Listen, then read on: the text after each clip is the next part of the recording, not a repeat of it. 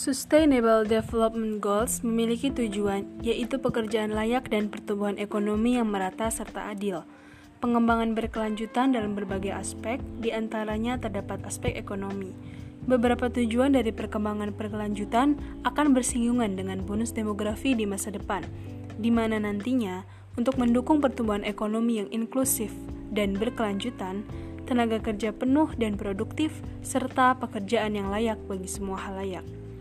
Pada target terlampir, di tahun 2020, secara substansial, pembangunan berkelanjutan dalam sektor ekonomi dan pekerjaan akan mengurangi proporsi usia muda yang tidak bekerja, tidak berpendidikan, dan tidak terlatih.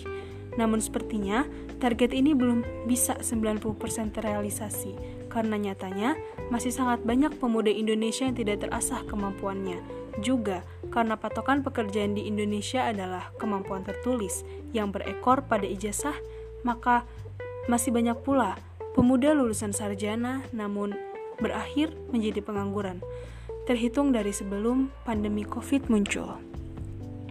Tahun ini adalah tahun evaluasi bagi kita semua, terutama bagi para pemuda, agar di tahun mendatang, di mana pemuda sekarang adalah pemimpin bangsa, tokoh dalam sequel masa itu, ketika bonus demografi menjadi jatah untuk Indonesia, kita siap menghadapinya, sehingga tidak ada yang sia-sia dari pemuda. Dan bukan kita yang akan terkalahkan dengan bonus demografi, melainkan kita bisa sukses memanfaatkannya.